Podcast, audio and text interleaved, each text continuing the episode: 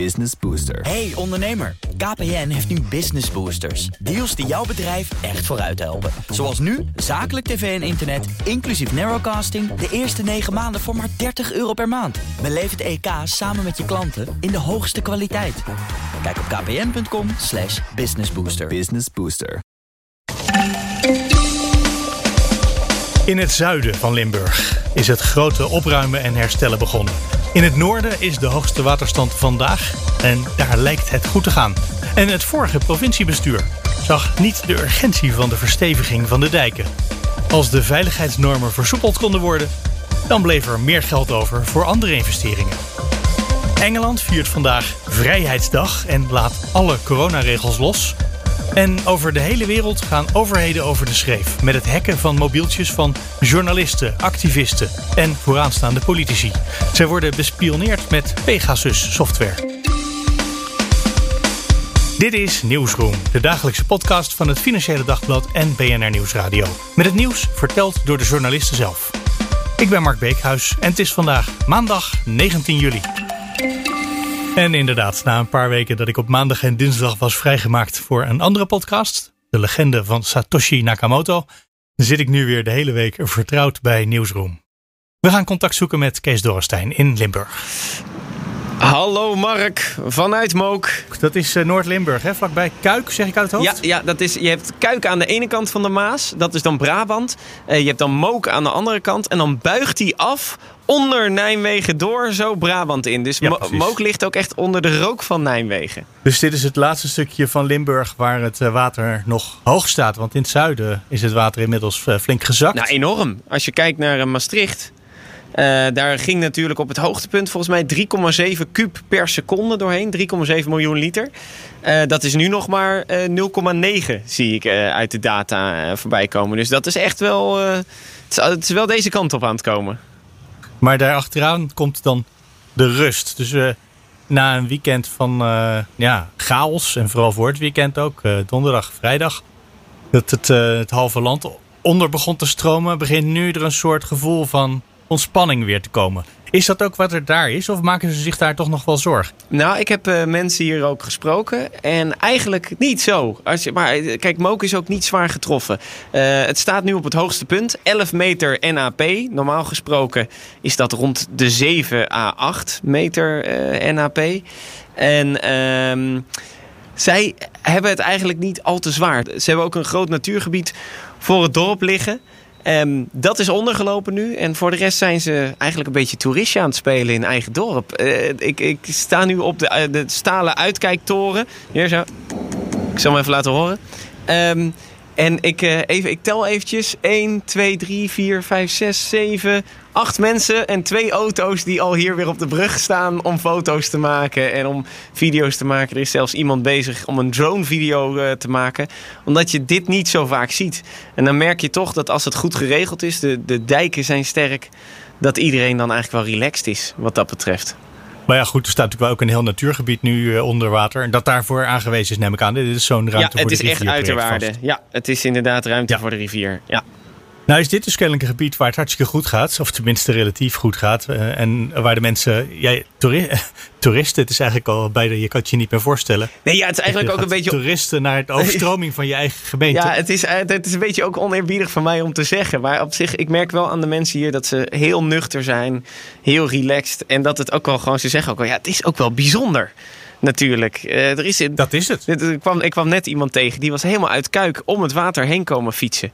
En die zegt: Ja, in Kuik hebben we schotten geplaatst zodat, we, zodat het niet het centrum ingaat. En dan eh, leuk om het vanaf deze kant eh, mijn stad aan het water eh, te zien.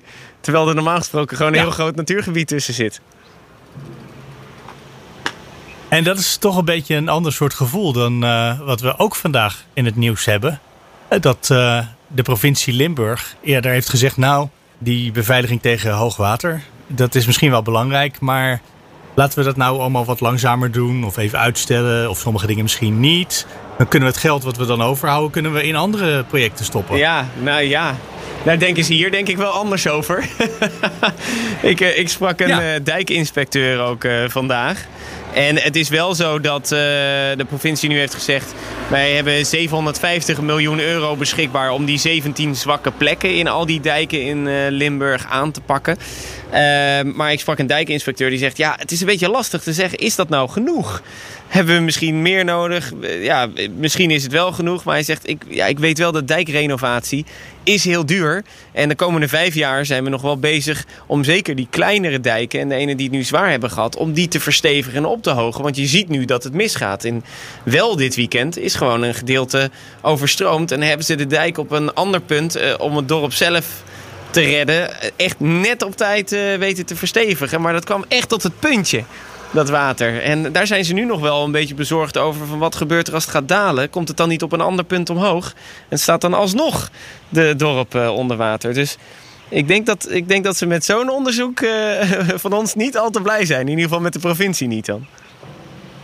Nee, nou ja, het is natuurlijk ook geloof ik niet doorgegaan. Hè? Want de waterbescherming is niet iets per se alleen maar van de provincies, maar ook iets van het Rijk. Hè? En dan hebben wij een Delta-commissaris die daar uh, bovenop lijkt te zitten. Ja, precies. Ja, die zei nog vanochtend uh, uh, op uh, BNR dat, dat die, die 750 miljoen ook niet genoeg vindt. Dat het, er moet echt wel stevig in Limburg aangepakt worden. En ja, op zich, als je zo de geschiedenis bekijkt, dan, dan is dat misschien ook wel logisch. aangezien ze pas sinds 95 echt een heel een soort van heel dijkenplan hebben opgetuigd hier in Limburg. Wil nog even terug naar, uh, naar het zuiden. Ben je daar ook geweest? Of ben je alleen in het uh, noorden, waar het nu relatief uh, relaxed is? Hoewel het water daar natuurlijk toch nog hoog door de rivier stroomt. Nee, ik ben alleen nu in het noorden geweest. omdat we wisten van op dit punt staat het daar het hoogst. Ja. Um, dus even kijken wat gebeurt er. Want je zag het in Roermond, uh, waar uh, Hugo uh, was. Dat hoorde je ook in Newsroom. wat is het? Twee afleveringen, drie afleveringen geleden? Op donderdag of vrijdag, um, wanneer was het? Ja, lang ja, geleden. Ja, precies. lang geleden. Het voelt al, het voelt al als een hele week. maar daar merkte je wel, daar, daar komt dan heel veel samen. Ook in, in Venlo. daar moet, dan, moet geëvacueerd worden. En dat water kwam dan toch hier naartoe. dus, dus ik was wel benieuwd van hoe zit het dan hier in, die, uh, in het punt dat het nu naar Brabant gaat. Want na vandaag is het gewoon het hoogste punt bereikt. En dan gaat het alleen maar dalen. En dan moet het water richting Rotterdam uiteindelijk om het, uh, om het weg te voeren. Je hebt geen uh, huizen gezien die onder water staan. Je hebt geen modder door de stroom, ja. straten zien stromen. Nou, nee, ik heb wel. Wacht, ik zal ondertussen ook eventjes naar het water lopen. Dat is misschien wel leuk. Uh, want ik kan, ik kan gewoon zo uh, de Maas inlopen. Want hij stroomt heel traag op dit moment. In die uiterwaarden dan. Um, maar je ziet hier uh, um, wel een, ja, een, een, soort klein vissersrestaurant.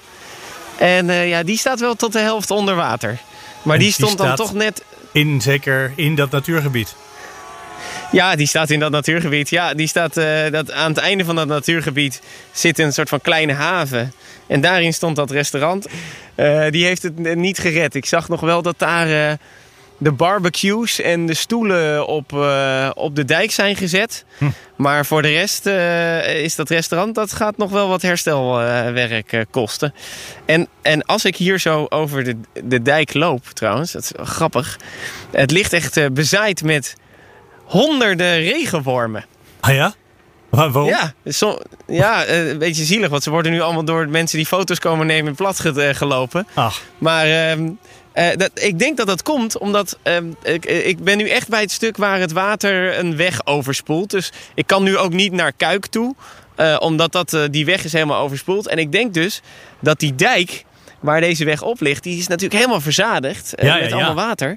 En, en die regenwormen die trekken dat niet en die komen er dus uit. Maar ja, die liggen nu zo te creperen op het asfalt. Ach. dus het is een, uiteindelijk, ja, de natuur is hard om het maar zo te zeggen. Ja, nou ja, ze hebben in ieder geval de overstroming overleefd, deze regenwormen. Ja, ja, ja. ja. Overleef je de overstroming, word je platgelopen door mensen die foto's komen maken van de overstroming. dat uh, is toch een beetje cru.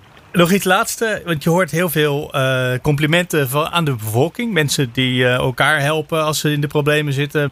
Is dat, ja, dat is misschien een vraag als jij nu daar in het noorden zit, waar de problemen eigenlijk vooral bij de regenwormen terechtgekomen zijn. Dat is misschien daar niet zo aan de hand. Of zie je daar, daar toch ook? Ehm, nou ja, dat, ik, ik merk het in ieder geval als ik de mensen spreek. eh, eh, die, die hebben elkaar niet heel erg hoeven te helpen. Die kennen dan vaak wel weer andere mensen in eh, Limburg. En die vertellen dan wel dit soort verhalen. Dat het daar wel allemaal goed wordt opgepikt. Ehm, maar als je dan... Ik sprak die dijkinspecteur waar we even hier de dijken mee eh, zijn gaan controleren. En die zei ook wel dat hij heel blij was met alle hulp van buitenaf. Want uh, er moet dus 200 kilometer aan dijk geïnspecteerd worden, zo snel mogelijk.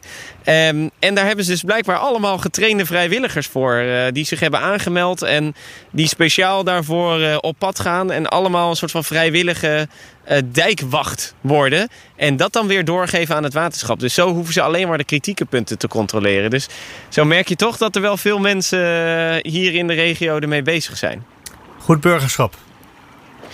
Ja, ja, goed burgerschap. Ja, het, gaat toch om 800 uh, dijkwachten in heel Limburg. Dat vind ik toch een flink aantal. Kees Dorrestein, dankjewel. Yes, ik ga een lange terugrit maken. ja, dat zeg je vanuit het westen. Hè? Als je vanuit daar naar Amsterdam komt, zeg je dat nooit bij. Dat je een lange reis naar Amsterdam nee. gaat maken. nee, ik zal, uh, ik zal een regenwormpje voor je meenemen als ze aandenken. Ah, lekker. Goed, goed bakken met een beetje ei. Gadverdamme, man.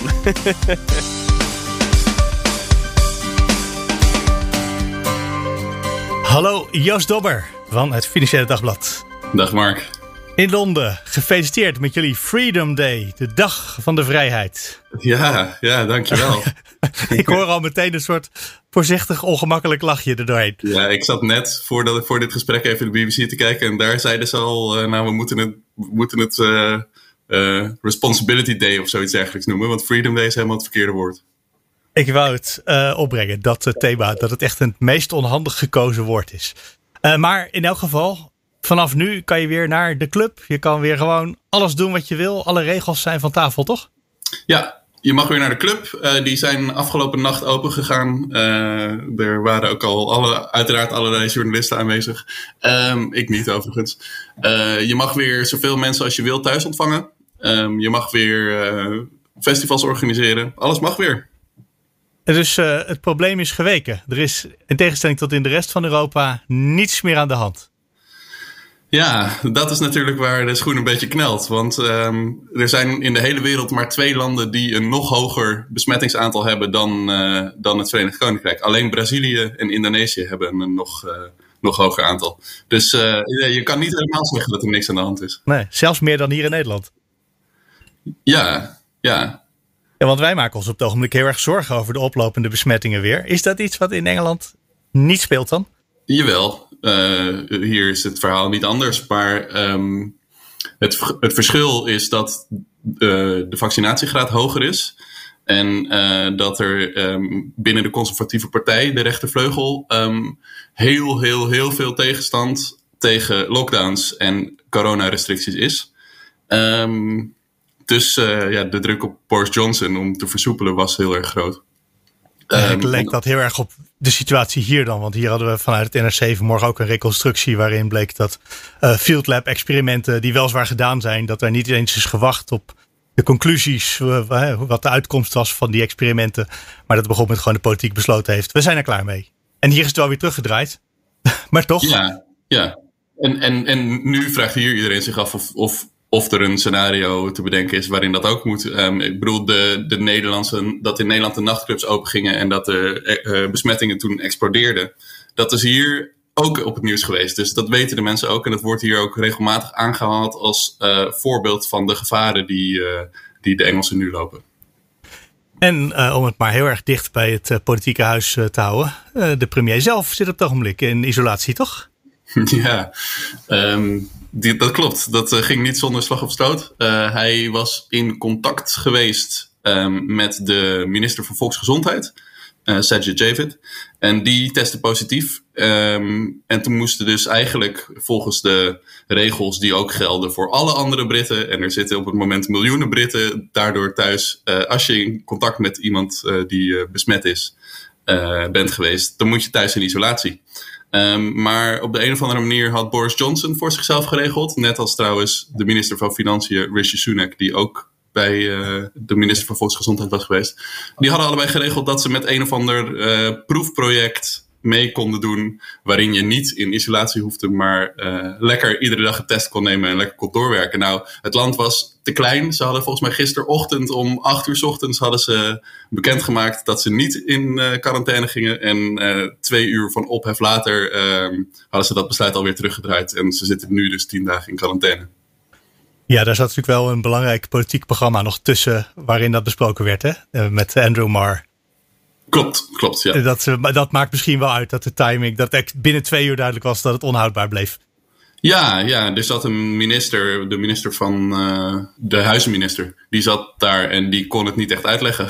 Want het is ook best lastig uit te leggen als het hele land um, zelf in uh, thuisquarantaine moet. En als je minister bent, dan heb je opeens toegang tot een uh, proefproject waarmee dat niet hoeft. Nou is dat op zich wel een gegeven van uh, Britse politici. Dat ze hele moeilijke vragen niet uit de weg gaan, maar ook totaal niet beantwoorden. En vaak echt niet kunnen uitleggen. En meestal is dat geen issue. Dus hier zit toch nog een soort gevoeligheidje in de Britse samenleving. Nou ja, ik denk dat het verschil is dat dit iets is wat, wat, wat heel veel Britten gewoon in hun persoonlijke leven iedere, iedere dag meemaken. Of in ieder geval uh, die ja. krijgen mee te maken.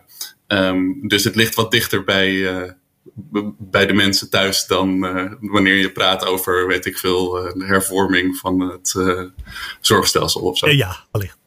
Je wierp eigenlijk voorzichtig zelf al de vraag op net. Er is natuurlijk een kans dat dit straks teruggedraaid moet worden. Is dat iets wat denkbaar is? Nou ja, zoals de uh, affaire van zojuist met uh, de iso thuisisolatie van Boris Johnson bewijst. Um, ze veranderen nog wel eens van mening. Ze draaien nog wel eens. Ja. Um, Boris Johnson heeft de afgelopen weken herhaaldelijk gezegd dat dit een eenrichtingsweg is. Dat er niet gedraaid zal worden. Uh, het is Freedom Day en daarna gaan we niet opeens weer in, in, met nieuwe restricties komen. Maar um, ja, die toon is de afgelopen, weet ik veel, week of zoiets dergelijks um, behoorlijk veranderd. En er wordt nu voorzichtig gewaarschuwd dat het heel goed zou kunnen dat er in de herfst of in de winter, als de druk op de ziekenhuizen toch al hoger is, dat er dan misschien toch wel weer nieuwe beperkingen zouden kunnen komen. Um, maar ja, ze weten dus niet helemaal hoe hoog de besmettingsaantallen oplopen. En daar zal nog wel veel van afhangen. Maar ze hopen dus dat door nu in de zomervakantie, uh, als de scholen dus dicht zijn, als het weer goed is, uh, als de ziekenhuizen het relatief rustig hebben, door nu die piek te nemen, uh, dat er dan een soort van samen met het vaccinatieprogramma en de natuurlijke besmettingen die je nu gaat krijgen, toch een soort, daar is het woord weer, groepsimmuniteit is, zal zijn ontstaan. Maar bij jullie is dat officieel het doel dus nu. Want bij ons is dat hooguit, anders mag je het echt niet noemen van onze premier, uh, een mooie, bij, uh, mooi bijeffect. Ja, uh, het, is, het is niet een woord dat de politici hier in hun mond nemen. Maar het, komt wel, het is wel waar het beleid op neerkomt. En het is voor jou ook persoonlijk Freedom Day, hè? begreep ik. Zeker, ja. Ik krijg mijn tweede vaccin zometeen. Dus we moeten het gesprek ook niet al te lang maken, anders dan mis je je afspraak daar. Dat zou jammer zijn. dat zou zeker jammer zijn. Nou, ik ga het nog wel redden. Um, maar nee, inderdaad, ja. Um, ik uh, voeg me bij um, de twee derde van de Britse volwassenen die inmiddels een, uh, volledig gevaccineerd zijn. Uh, dus, dus jullie lopen is, nog iets op ons voor, hè? Denk ik dan. ja, ja, er loopt iets, iets voor op Nederland. ja. ja. Oké, okay, nou, hoop dat het niet te veel pijn doet aan je arm. Ik vond het geen prettige ervaring. Ja. Zo'n zo naald in je arm vind ik al niet zo gezellig. Maar het deed ook echt, ja, het irriteerde ja, wel echt een dag. Ja, ik, mijn eerste prik was ook, ik was, vond was, uh, ik dacht dat zal wel meevallen, maar flinke spierpijn. Maar dat heb ik graag over. Precies. Joost Dobber, dankjewel. Jo, graag gedaan. Hallo, Connor Klerks van BNR. Dag Mark. Tech-redacteur. En we gaan het hebben over zeer geavanceerde en uh, misschien ook wel hele gevaarlijke spionagesoftware. Waar uh, de afgelopen dag uh, nieuws over naar buiten kwam. Dat gaat om software van een Israëlisch bedrijf. Dat heet NSO of NSO Group. Uh, ja, software. Pegasus. Wat is er misschien maar even tot nu toe bekend? Want dit is een verhaal wat in de loop van een paar dagen steeds in delen naar buiten komt. Maar wat weten we tot nu toe? Ja, um, we weten een heleboel en we weten een heleboel ook uh, niet. Wat er nu naar buiten komt, ik zal eerst eigenlijk gewoon even vertellen wat er eigenlijk aan de hand is. Um, er is een collectief van uh, grote media, waaronder de Washington Post en uh, The Guardian, zijn 16 media samen verenigd in een consortium. We noemen zich de Pegasus Group. Doet een beetje denken aan destijds met Snowden hè, en met, met andere grote onderzoeksprojecten dan bundelen uh, grote uh, redacties hun krachten. Ja, Panama um, Papers, allemaal dat soort grote exact, projecten. Ja, dus exact, dit is ja. van wereldschaal, dit nieuws. Dit is van wereldschaal. Dit is het, uh, het nieuws dat is gebaseerd op een, een datalek eigenlijk. Een lijst van meer dan 50.000 telefoonnummers. En de mensen die op die lijst staan zouden naar verluid in de gaten kunnen worden gehouden door klanten van uh, NSO Group. En NSO Group, zoals je zei, een Israëlisch uh, bedrijf, is een surveillance bedrijf. Dus daar kun je, als jij een overheid bent of een inlichtingendienst van een overheid, kun jij software bij hun kopen. Um, nu is die lijst dus gelekt van mensen die potentieel in de gaten gehouden worden door klanten van de NSO Group. En um, een aantal mensen op die lijst uh, is daadwerkelijk in de gaten gehouden met de Pegasus software. Um, de redacties die onderzoek hebben gedaan, hebben uh, 67 telefoons van mensen die op die lijst staan uh, onderzocht, forensisch laten onderzoeken. En bij 37 van die 67 onderzochte telefoons werd die software Pegasus aangetroffen. En wat uh, Pegasus is, dat is eigenlijk uh, malware, spyware, um, die Android, maar ook iPhones kan infiltreren. En die kan op verschillende manieren op een telefoon terechtkomen. de makkelijkste manier um, is spearphishing. Dat is als jij op een, een, een, verkeerde link klikt. Dus iemand um, stuurt jou een, een phishing link en jij klikt daarop. En dan wordt zonder dat je dat meteen doorhebt, wordt daar software op jouw telefoon gezet. Mhm. Wat eng is aan Pegasus is dat het ook op andere manieren kan. Het kan namelijk ook um, met uh, een, een, een, zogeheten zero-click vulnerability. En dat is dus uh, een manier waarop software uh, op jouw telefoon, op jouw smartphone terechtkomt, zonder dat jij daar een handeling voor hoeft te verrichten. Dus zonder dat jij bijvoorbeeld een linkje hoeft te, te klikken. Um, Ze sturen een mailtje is, en het, aan, het aankomen van het mailtje is al genoeg, bij wijze van spreken.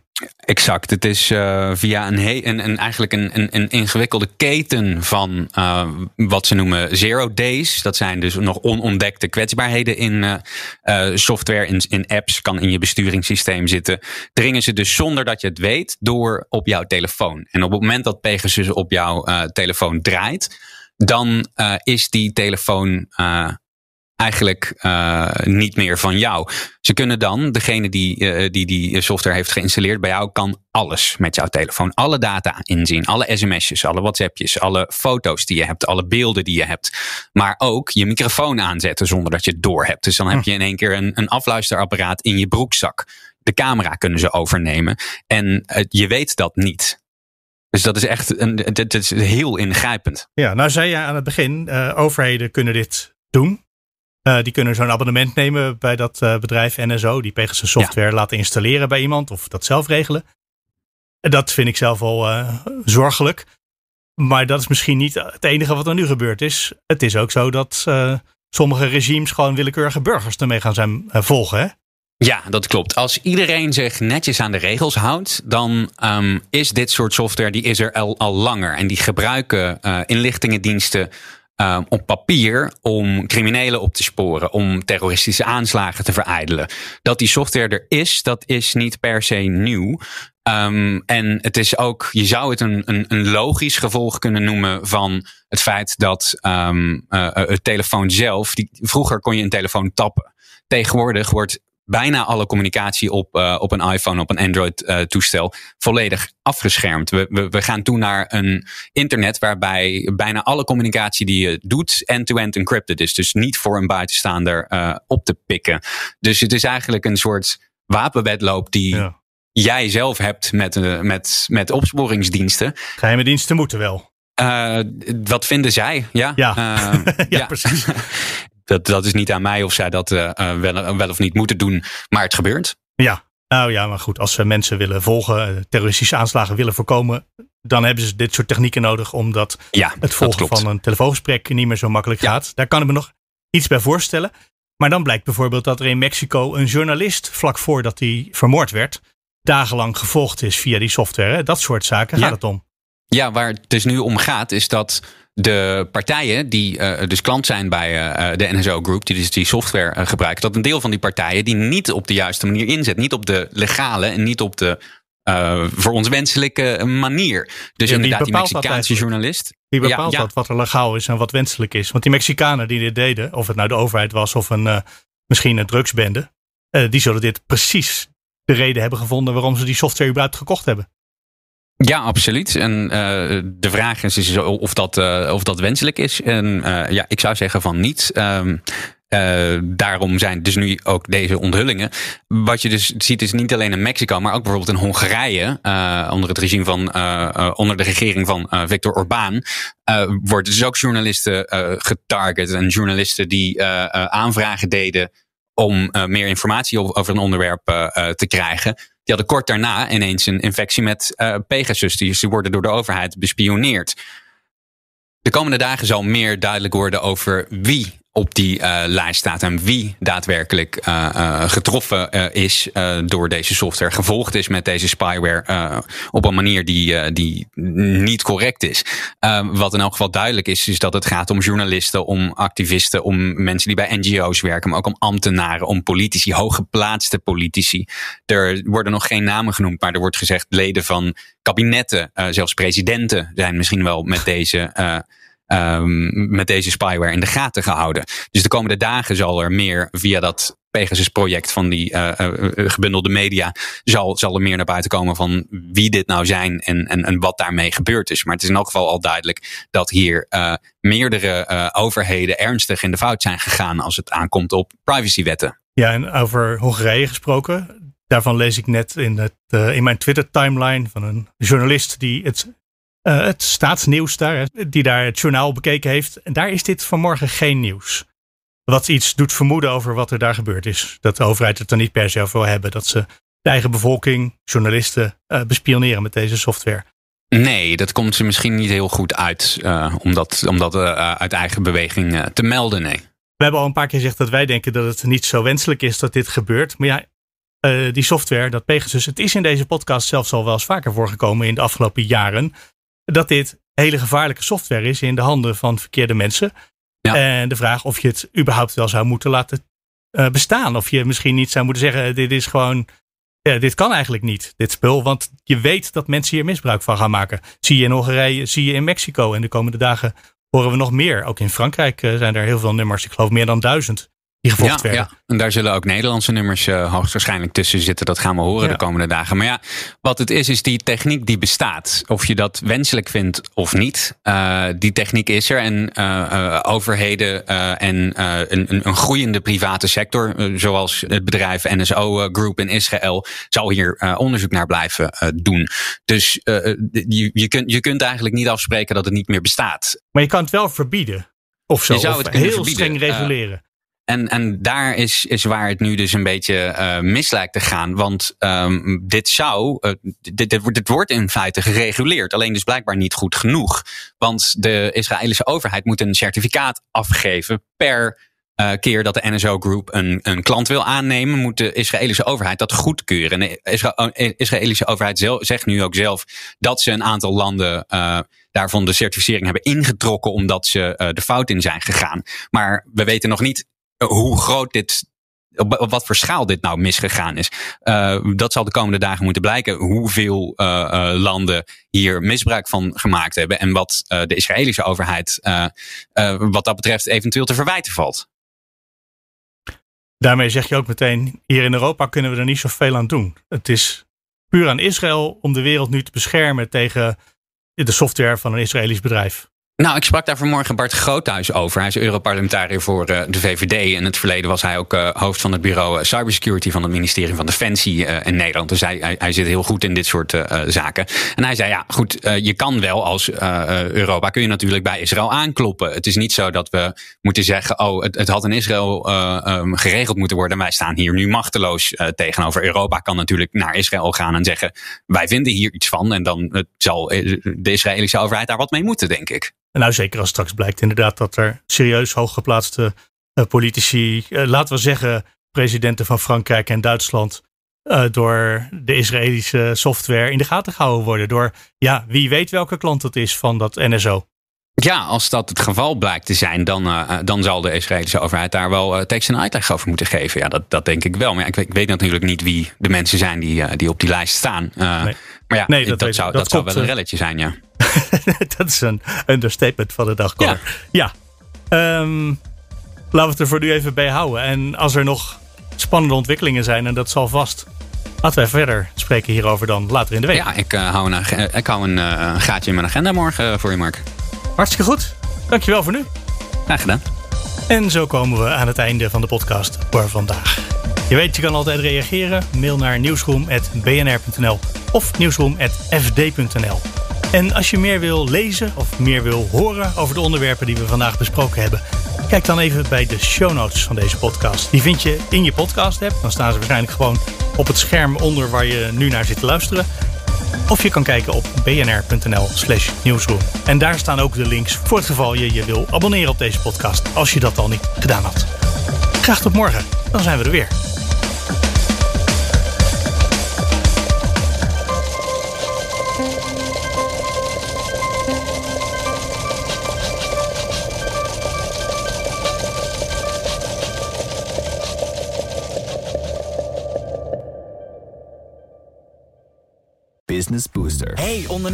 KPN heeft nu Business Boosters. Deals die jouw bedrijf echt vooruit helpen. Zoals nu, zakelijk tv en internet, inclusief narrowcasting... de eerste 9 maanden voor maar 30 euro per maand. Beleef het EK samen met je klanten in de hoogste kwaliteit. Kijk op kpn.com businessbooster. Business Booster.